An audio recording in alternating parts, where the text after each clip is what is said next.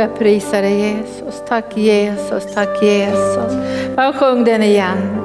Och så låter vi kärleken till Jesus bara fylla våra hjärtan. Tack Jesus.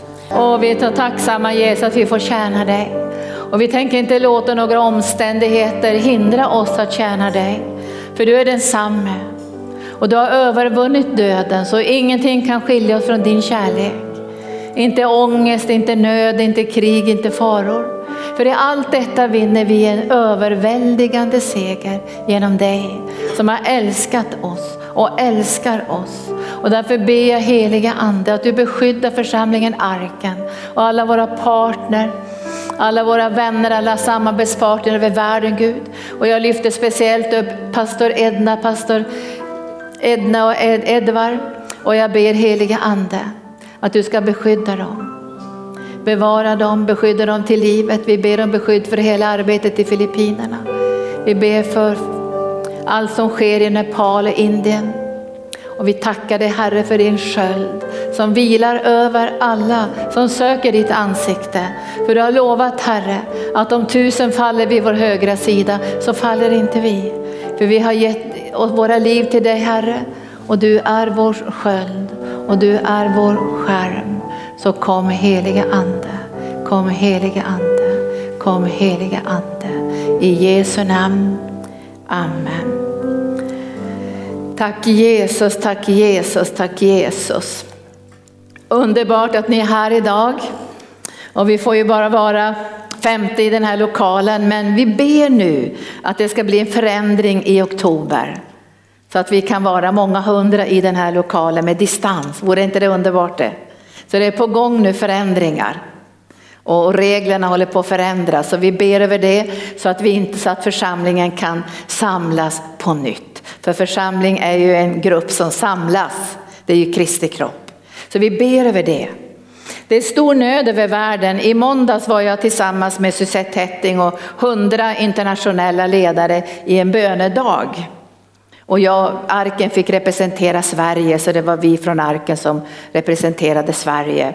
Och man hörde ju på alla som bad och, och lyfte upp olika situationer över världen så, så, är det ju väldigt stor nöd. Men det fanns också en, som en, en strimma av hopp och tro på att Gud är större än alla omständigheter. Eller hur? Att, att det finns inga omständigheter som kan hindra Guds församling för Guds ord bär inga bojor. Och arken ska ju vara en, en covid-19 fri zon. Här ska det inte finnas någon virus här på arken. Så vi ber om beskydd också för alla som besöker den här platsen. Att vi har Guds sköld och vi har Guds skärm. Och vi ber att ingen ska råka ut för det här viruset och ingen ska behöva smitta någon annan heller utan den här platsen är helig och den är avskild för Gud. Och därför skulle vi önska också att ni har en liten flaska med sprit i, handsprit i väskan så ni kan tvätta era händer innan ni kommer in i, i den här lokalen och sen proklamerar ni bara, jag är på helig plats. Jag är inför Guds ansikte. Här är en plats där alla ska kunna komma utan fruktan och möta Herren. Halleluja. Så det är härligt att vara tillbaka. Vi har varit borta några veckor. Vi har ju varit och tjänat på kanal 10 under en vecka. Och sen har jag varit ihop med Suzette Hetting på Zoom som jag har lärt mig. Och sen har vi också tjänat på i en annan tv-kanal.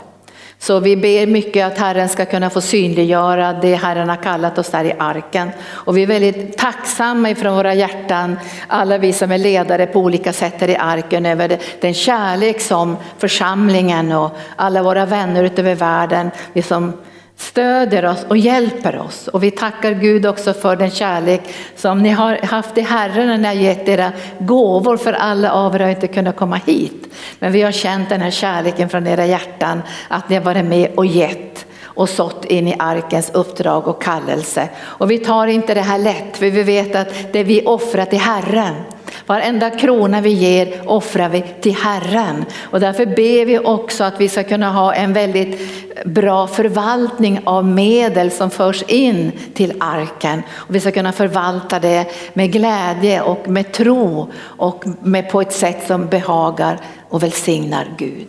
Så vi, vi, får be mycket nu. Nu har skolan startat och förskolan har ju pågått hela sommaren. Men vi behöver be att ännu fler elever kommer in i vår skola årskurs 1 till 6. Och men vi ber också för lärarna och för eleverna att vi ska få en, en synlighet på olika sätt för vi tror att, att skolan är viktig för en tid som denna. Så då ska vi gå in i ordet, tack Jesus. Bara sträck ut era händer mot mig så, så ber vi att Herren ska få öppna ordet den här förmiddagen. Kom helige ande, kom och öppna ordet. Hjälp mig att ge det ord som du har bett mig förkunna den här söndagen. Att det får vara levande, få träffa våra hjärtan, att det får öppna våra hjärtan. Så vi förstår på insidan vad du vill säga, vad du vill uppmuntra oss med den här dagen. Kom helige ande. Tack Jesus, tack Jesus. Tack Sten för det här härliga kollekttalet. Det, det är så härligt att kunna läsa Guds löften. Och det finns ju så många löften som man skulle kunna bara stapla tusentals löften på varandra. Men så finns det ett ord i Bibeln som kallas för den lilla Bibeln. Och det är, det kan ni ju allihopa, det är från 3 och 16. Johannes evangelium 3 och 16 som kallas för den lilla Bibeln. Och jag läser dig nu på morgonen här. Så älskade Gud världen att han utgav sin enfödde son för att var och en som tror på honom inte ska gå förlorad utan ha evigt liv. Det ska vi stanna vid en liten stund idag, evigt liv. Och tänka lite grann på det här evigt liv. Alltså ett liv som aldrig någonsin kommer att ta slut och ett liv som började i ditt och mitt liv då vi tog emot Jesus som vår frälsare. Evigt liv. Och sen säger Jesus så här också att Gud, han säger så här, för var och en som tror på honom ska inte gå förlorad utan ha evigt liv. Gud har inte sänt sin son till världen för att döma världen utan för att världen ska bli frälst genom honom. För den som tror på honom blir inte dömd. Men den som inte tror är redan dömd eftersom han inte tror på Guds enfödde sons namn. Han är redan dömd. Om du tänker en brottsling nu som har gått igenom en rättegång och så har domen kommit att det här, det här det som du har gjort nu, det här brottet kommer att ge tio års fängelse. Då då är, finns det ju en dom redan. Och domen finns redan över världen. Och därför kommer inte Jesus in i världen för att döma världen, för världen är redan dömd. Utan Jesus har kommit in i den här världen för att frälsa världen och erbjuda evigt liv. När man läser apostlagärningarna ser man att apostlarna och förkunnarna hela tiden fokuserar på det eviga livet och uppståndelsen ifrån de döda. Att det liv som har kommit genom Jesus Kristus har besegrat döden, det är livet med stort L, eller hur? Alltså att få del av ett liv som är så starkt så att det har övervunnit och segrat över döden. Det är livet med stort L och det har du och jag fått del i. Och när Jesus presenterar det här livet, det här nya livet, det eviga livet, så handlar det inte bara det om det liv som kommer i den kommande världen, utan det är ett liv som också vill manifestera sig i den här världen. Och det här ska vi titta på lite grann idag. Därför vi tänker många gånger på det kommande livet. Men det här livet med stort L som ges i Jesus Kristus, det är ett liv som vi kan leva i den här världen också. Inte av den här världen, men i den här världen som människor ska få smak på det här eviga livet som gestaltas och manifesteras genom oss och genom Guds församling evigt liv. I Hebreerbrevet står det att Jesus han kämpade i bön. Och han kämpade i bön under tårar.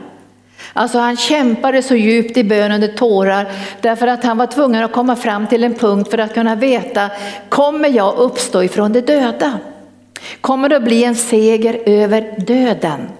Och det står i Hebreerbrevet att han, han bad och han kämpade och kom till insikten att döden skulle inte kunna behålla honom. Och han uppstod ifrån de döda. Evigt liv, det har både kvalitet och kraft. Evigt liv har så mycket i sig och vi behöver lära känna det eviga livet. Och Jesus säger att jag är vägen, och sanningen och livet. Så det eviga livet finns inte utanför Jesus, det finns i relationen med Jesus. Och det här säger också Jesus i Johannes evangelium kapitel 17 och versen 3. Så säger han att det här livet, det finns i relationen med honom, i den andliga kärleksrelationen. Och därför behöver man ta emot Jesus som sin personliga frälsare för att få del i det här eviga livet så döden blir besegrad. Och när du och jag gick ner i dopkraven, eller vi kommer att gå ner i dopkraven, kanske du är här som inte är döpt. Då är det som en proklamation, inte bara för dig själv, utan en proklamation inför hela andevärlden, att du har fått del i det eviga livet. Och döden har inte längre makt över dig. Och när döden inte längre har makt över dig, då står det i Hebreerbrevet, då blir du fri från fruktan. Därför när döden inte längre har makt över dig, då blir du fri på insidan att leva ett liv i tro på honom som har segrat över döden. Alltså vi har del i det eviga livet redan här och nu. Och då säger Jesus så här, han säger det i versen 3. Och detta är det eviga livet. Detta är det eviga livet. Det är inte bara ett tillstånd eller en kraft som övervinner sjukdomar och nöd, utan det är en relation. Det eviga livet är en relation och därför älskar vi gudstjänster. Därför älskar vi mötesplatserna med Gud. Därför älskar vi bön. Därför det eviga livet manifesteras i den andliga kärleksrelationen när du och jag får tid att uttrycka vår kärlek till honom.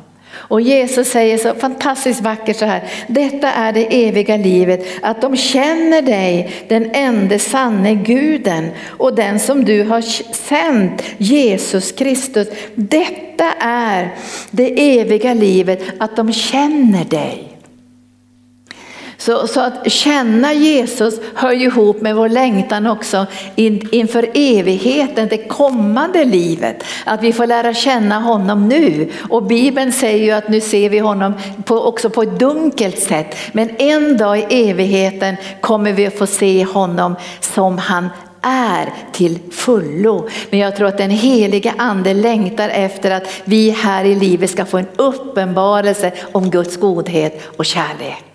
Och då säger också Johannes, och jag ska läsa det i första Johannes 5 och 11.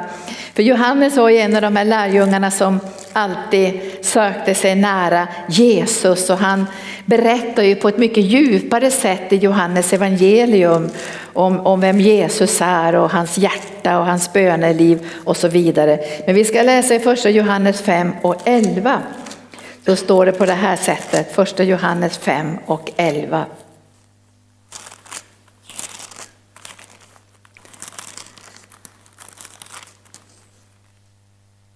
Detta skriver jag och detta är vittnesbördet, säger Johannes i 5 och 11.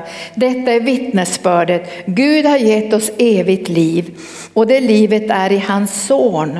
Och den som har sonen, han har livet. Och den som inte har Guds son har inte livet. Detta skriver jag till er för att ni ska veta att ni har evigt liv, ni som tror på Guds sons namn.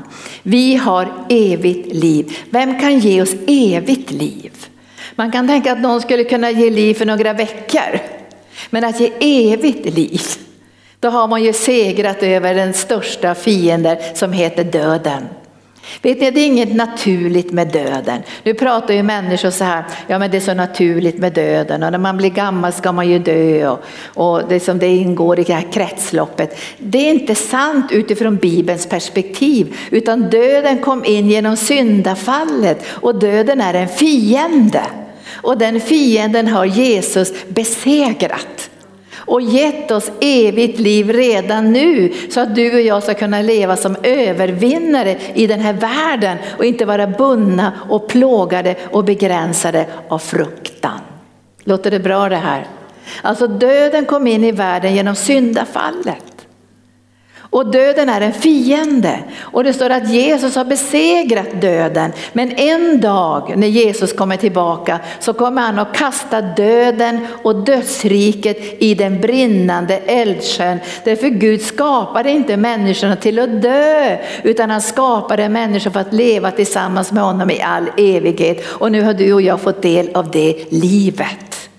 Vilken kvalitet det är på det här livet, vilken kraft det är på det här livet, vilken välsignelse det finns i det här livet, vilka löften det finns i det här livet, vilken frihet det finns i det här livet. Och vi har ett uppdrag från Gud att manifestera det här livet mitt ibland oss så att världens människor kan se skillnaden på världen och Guds rika.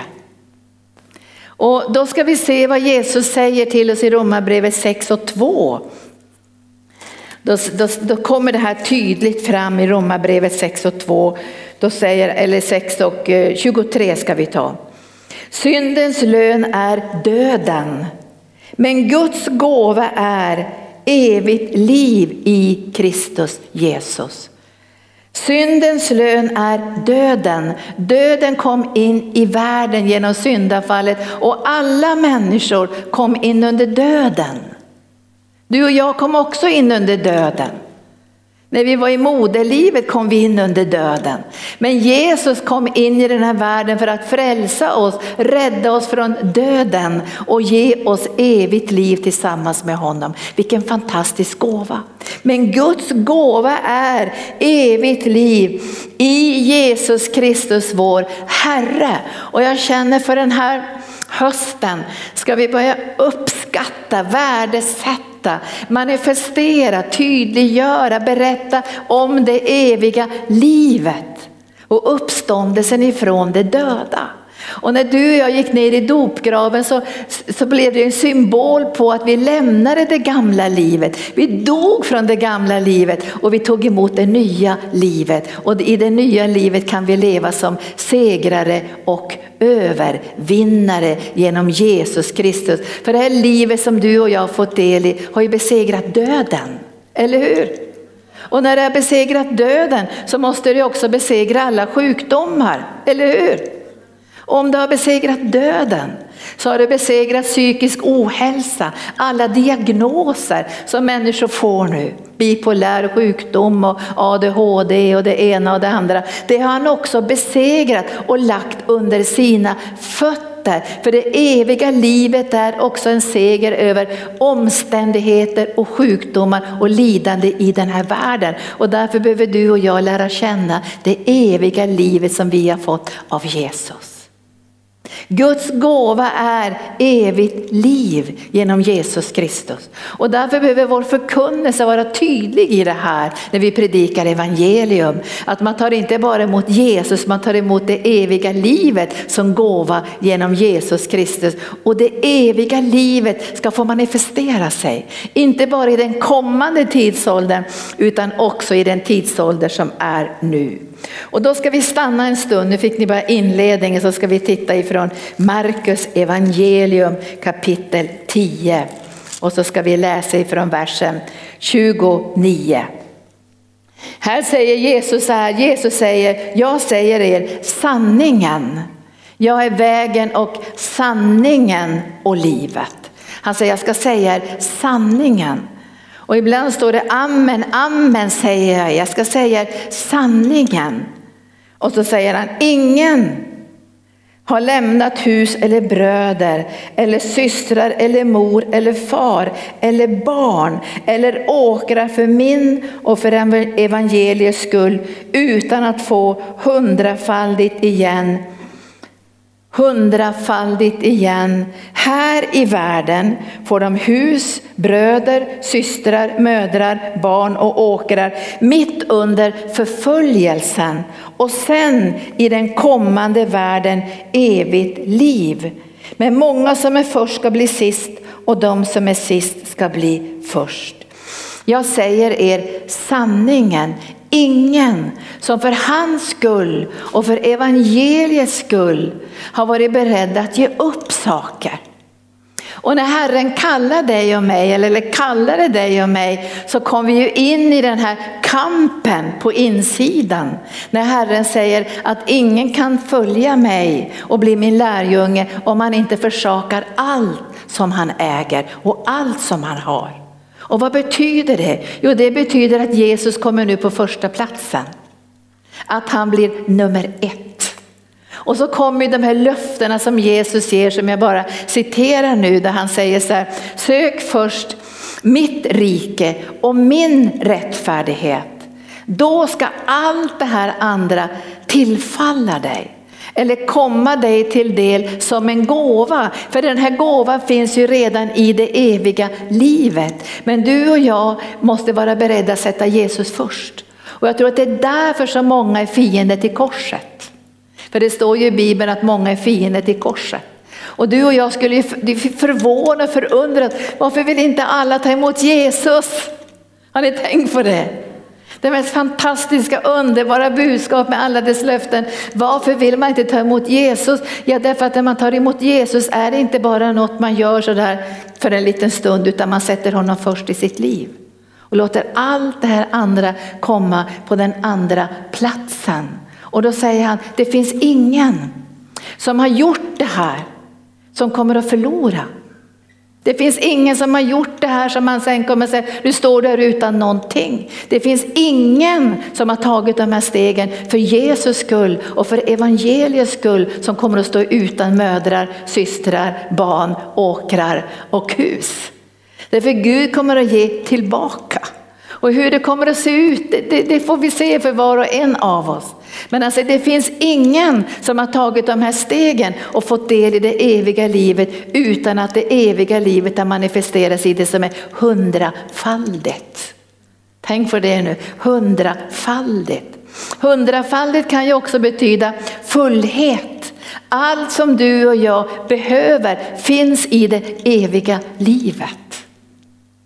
Det här är så otroligt fantastiskt underbart att om man skulle lämna allt och vara beredd att säga Herre, du är nummer ett, du är före allting. Du är före hus, du, du är före bröder, systrar, mor eller far eller barn eller åkare för min evangeliets skull. Och många gånger måste man tänka på det här, vad det innebär om man är i en familj när ingen är frälst. Och så tar man det här första steget. Bekännelsen. Det kommer ni ihåg. Det var lätt att bekänna inför Jesus. Jag tar emot det som min personliga frälsare, halleluja. Men det var lite svårare att komma på jobbet till universitetet och säga nu vill jag göra en bekännelse här, jag har tagit emot Jesus som min personliga frälsare och det blev ju ganska jobbiga reaktioner för mig i alla fall. Och sen skulle jag hem och bekänna också till min pappa och mamma. Och jag berättade för en person häromdagen att när jag sa till min pappa att jag kommer att lämna studierna nu och jag kommer att bli gatuevangelist och jag ska följa Jesus i enkelhet och överlåtelse så tror jag han svor så jag kunde höra det tre kvarter. Och då tänkte jag, varför blev det så här? Jo, det är för att Guds ord säger det. Att när Jesus säger så här, jag har inte kommit för att sända frid, jag kommer för att sända svärd. Därför var och en kommer att få gå in i det här där svärdet går rakt ner i hjärtat. Och då säger Jesus så här, du kommer att få, att sonen kommer att få sin pappa i fiendeskap. Och dottern kommer att få sin mamma i fiendeskap. Därför det måste bli en skillnad och ett svärd, det måste märkas att den här personen har valt att följa Jesus. Och det låter ju lite jobbigt här, eller hur? Men när det här svärdet går, då kan förvandlingen ske. Och får inte det här svärdet gå så blir det svårare för familjen att bli frälst. Så är det. För ni vet att när Jesus lät svärdet gå i Marias hjärta, det kan ni va? Profeten har ju sagt till henne, Maria, också genom ditt hjärta ska ett svärd gå. Och när Maria tar sina bröder, och, och, eller bröder, hon tar sina barn, pojkar och flickor för att gå och hämta Jesus. För han sitter just nu med sina lärjungar och undervisar i Guds ord. Och hon kommer för att hämta hem Jesus. Hon känner det här moderskapets ansvar över sin son. Så hon knackar på dörren och så kommer det ut en medarbetare och så säger hon, jag är här för att hämta hem Jesus. Berätta för honom att jag är här med hans bröder. Då tittar Jesus sig omkring och säger så här, vem är min moder och vilka är mina bröder? Och vilka är mina systrar? Jo, det är de som gör Guds vilja. Det här betyder inte förkastelse från Jesus sida, det här vet du och jag också. För när Jesus hänger på korset så står det att han vänder sig till Johannes och säger, se din moder. Omsorgen om familjen, men svärdet måste gå. Där Jesus måste bli nummer ett. Och när du och jag vet när svärdet går så får vi del i det eviga livet och det eviga livet kommer att räcka sen till alla de som du och jag ska vittna för. Jag, jag, kände så här när min pappa blev så jättearg när jag skulle följa Jesus så tänkte jag det var bra att han blev arg tänkte jag. För hade han varit likgiltig hade det varit värre. Men han blev riktigt arg. Men jag sa till honom, det kommer en dag då det liv som jag har tagit emot kommer att få välsigna dig. Det kommer en sån dag. Därför det står hundrafaldigt igen. Inte behöver jag hundrafaldigt om jag inte tänker ge vidare till människor som ska få möta Jesus som sin frälsare. Och den dagen kom i hans liv när han låg döende i cancer och hade bara kanske några dagar kvar att leva. Och när jag böjde mina knän i sjukhusrummet där och la mina händer på honom och bad att Herren skulle hela honom och han blev fullständigt helad och fick åka hem efter någon månad. Det eviga livet, det eviga livet måste tas emot vid korset. För det eviga livet finns i Jesus Kristus. Och då behöver du och jag sätta tro till att även om det blir ett svärd när du har tagit emot det eviga livet, det blir ett svärd mellan människor som du hade naturlig kontakt med. Jag hade ju vänner på universitetet. Jag hade en väldigt, väldigt nära vän som jag forskade tillsammans med. Så vi delade våra hjärtan. Men när svärdet gick så visste jag att vi måste gå åt olika håll om inte hon vill följa Jesus. Det betyder inte att jag inte fortsätter att älska henne och vi kommer att ha en viss kontakt men jag kände av svärdet. Det gick rakt in i mitt hjärta och det gick rakt genom hennes hjärta och vi visste någonstans att vi skulle gå skilda vägar. Kärleken försvann inte men svärdet gjorde att våra liv såg helt annorlunda ut. Det eviga livet i den här världen är en välsignelse. Inte bara för dig och mig utan för alla de människor som ska bli frälsta genom ditt och mitt liv. Och vågar vi inte låta svärdet gå så blir det här bara ljummet. Det blir kraftlöst.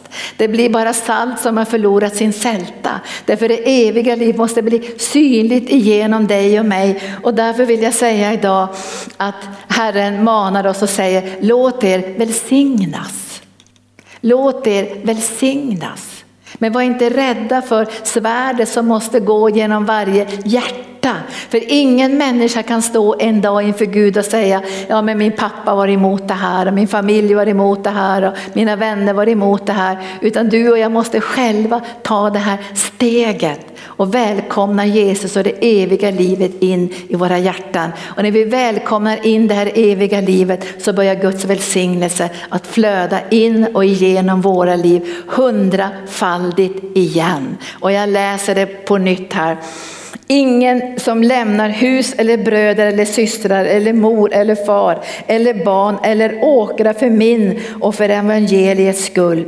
Utan att få hundrafalt igen här i världen. Stryk under det här om du har din bibel med dig, här i världen. Alltså Gud säger inte så här, i den kommande världen där ska du få välsignelse. Du behöver välsignelsen i den här världen för att låta välsignelsen flöda vidare genom ditt liv till andra människor. I den här världen. Alltså Gud vill välsigna sin församling. Han vill välsigna dig som har låtit svärdet gå igenom ditt hjärta med tro. Att även om du får lämna saker, sätta Jesus först. Och jag vet ju att många av oss vill sätta andra saker först. Det ligger i den naturliga tanken att kanske huset eller, eller familjen eller barnen eller äktenskapet är på första platsen. Där går svärdet och där måste trons ande flöda in i våra liv så att vi vet att, att när vi ger det till Herren som är kärlekens källa så har han omsorg om dig, ditt hus, din familj, dina barn, dina bröder, dina vänner. Det ligger i Guds hjärta. Och han säger så här, det finns ingen som inte får hundrafaldigt igen. Här i världen får de hus, bröder, systrar, mödrar. Det verkar som det blir fler än innan man lämnade allt för att följa Jesus så får man ännu mer. Man får mödrar, systrar, barn, åkrar mitt under förföljelsen. Alltså mitt under attacker, svåra omständigheter kan Gud välsigna genom att han har gett oss det eviga livet som har övervunnit döden och mörkret, sjukdomarna och segrat över omständigheterna. Därför tror vi alltid på expansion, eller hur? I januari fick vi profetord. Vi söker Gud varje år och vi söker Gud under många veckor för att få profetord för de kommande, det kommande året. Och i januari fick, kom de här profetorden från Guds hjärta så sa han förnyelse, förändring och expansion. Jag tyckte det var som ett hoppfullt ord. Förnyelse, förändring, expansion. Gud har alltid expansion på sitt hjärta för han vill genom dig och mig nå ut till flera. Och därför behöver han välsigna oss och återigen välsigna oss. Och han säger det finns ingen som har satt mig på första platsen som inte har fått välsignelse i det här livet och sen i den kommande världen evigt liv. Alltså här talar Gud om två tidsåldrar. Den tid som är nu och den tid som ska komma in i evigheten. Men du och jag har tagit emot det här eviga livet redan nu och det ska få verka i våra liv och vi sätter alltid Jesus först. Den här kampen får vi alla genomgå därför att vi tänker att kan verkligen Gud bry sig om att jag behöver det ena och det andra? Har verkligen Gud omsorg om mig? För om Gud inte har omsorg om mig, då vill inte jag sätta honom som nummer ett, eller hur? Då måste jag värna och beskydda och bevara det som är mitt.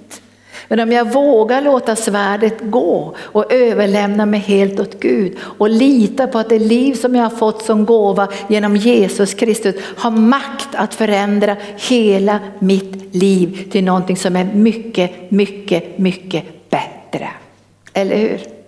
Det här är som en troshandling som du och jag också som, som vi gör och som vi tar emot när vi får del i det här eviga livet med stort L.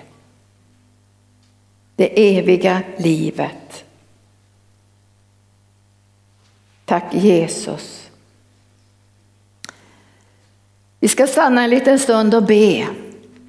För det finns så mycket fruktan och man, man ser ju nu också med det här coronaviruset och covid-19 som är själva sjukdomen så lever ju mängder med människor i fruktan. Och jag förstår att det finns fruktan för vi har alla fruktan för döden. Och jag blev intervjuad av en, en tidning nu häromdagen och jag, jag sa, skrev då och sa så här att jag skulle önska att Sverige, politiker och myndigheter och sjukvårdare, att vi skulle kunna lyfta upp de existentiella frågorna på riktigt. Vad händer när vi dör? Var är vi på väg? Vi, vi kan inte bara fly ifrån det nu. Alla liksom påverkas av det här. Vi är rädda för att människor ska dö och bli sjuka och vi, vi är ängsliga på olika sätt. Därför det här handlar egentligen om livet och döden. Vad händer efter döden? I många religioner som du kan studera så händer det ju ingenting efter döden. Det kan bara bli svart eller du kommer in i nirvana, det blir ingenting. Men du och jag vi vet att om det eviga livet finns så finns den eviga döden också. Och död betyder inte att man upphör. Det är viktigt att veta. Död betyder skilsmässa, att bli skild från någon. Och död betyder evig död, evig skilsmässa ifrån Gud. Och det är därför så viktigt att vi tar emot det eviga livet. Och det eviga livet finns ju i Jesus Kristus.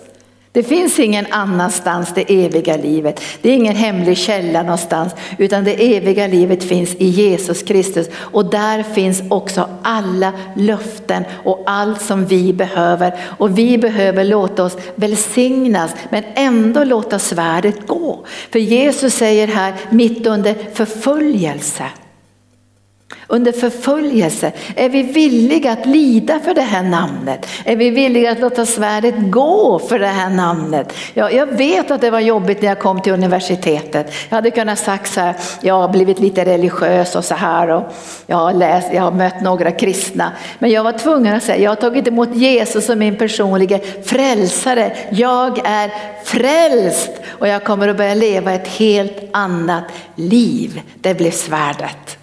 Och jag kände att svärdet gick mellan mig och människor men det gick också rakt in i mitt eget hjärta.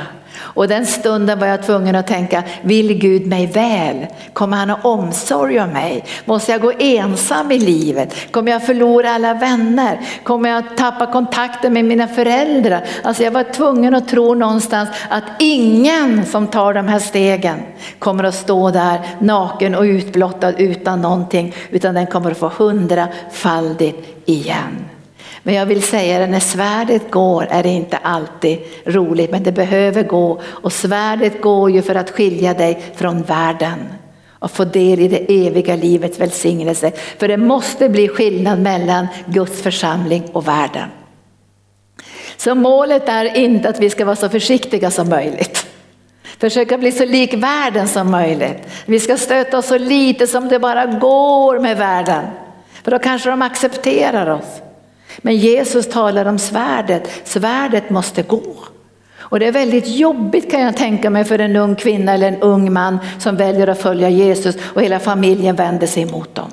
Det måste kännas jättejobbigt om inte man kan Guds ord så man vet att det svärdet måste gå. Och när svärdet går så kommer det gå så djupt som ger möjlighet för hela din familj att få bli frälst. Därför Bibeln har gett löftet du och hela din familj ska bli frälst. Men svärdet måste gå genom pappa, genom mamma, genom brorsan, genom systrarna. Så måste svärdet gå för att det eviga livet ska kunna strömma ut på det sätt som Gud har tänkt. Så det är inget farligt som sker när svärdet går. Men det ska ju inte stanna där utan det eviga livet, Guds härlighet, Guds nåd ska få flöda genom Guds församling. Och det måste märkas att Guds församling har ett helt annat liv än det som finns i den här världen. Och jag håller på att skriva en artikel nu där som jag ger namnet så här, skäms inte för den kristna moralen. Varför ska man skämmas för den kristna moralen? Varför ska man försöka dölja att man vill leva ett helt annat liv? Vi har valt att följa Jesus och svärdet har gått i våra hjärtan mellan världens sätt att leva och det liv som uppenbaras i Jesus Kristus. Det är ingenting som vi skäms för, vi är stolta över det, eller hur?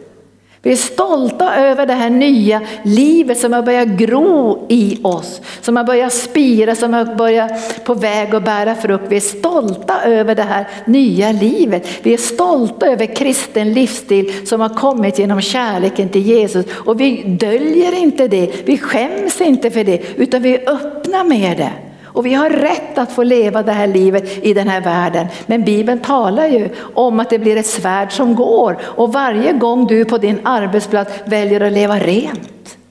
Du väljer att inte leva kanske som de andra på festerna när man kanske dricker och svordomar och andra saker. Och varje gång du väljer att jag vill leva ut det eviga livet ifrån mitt eget hjärta, då går ett svärd. Vet du det?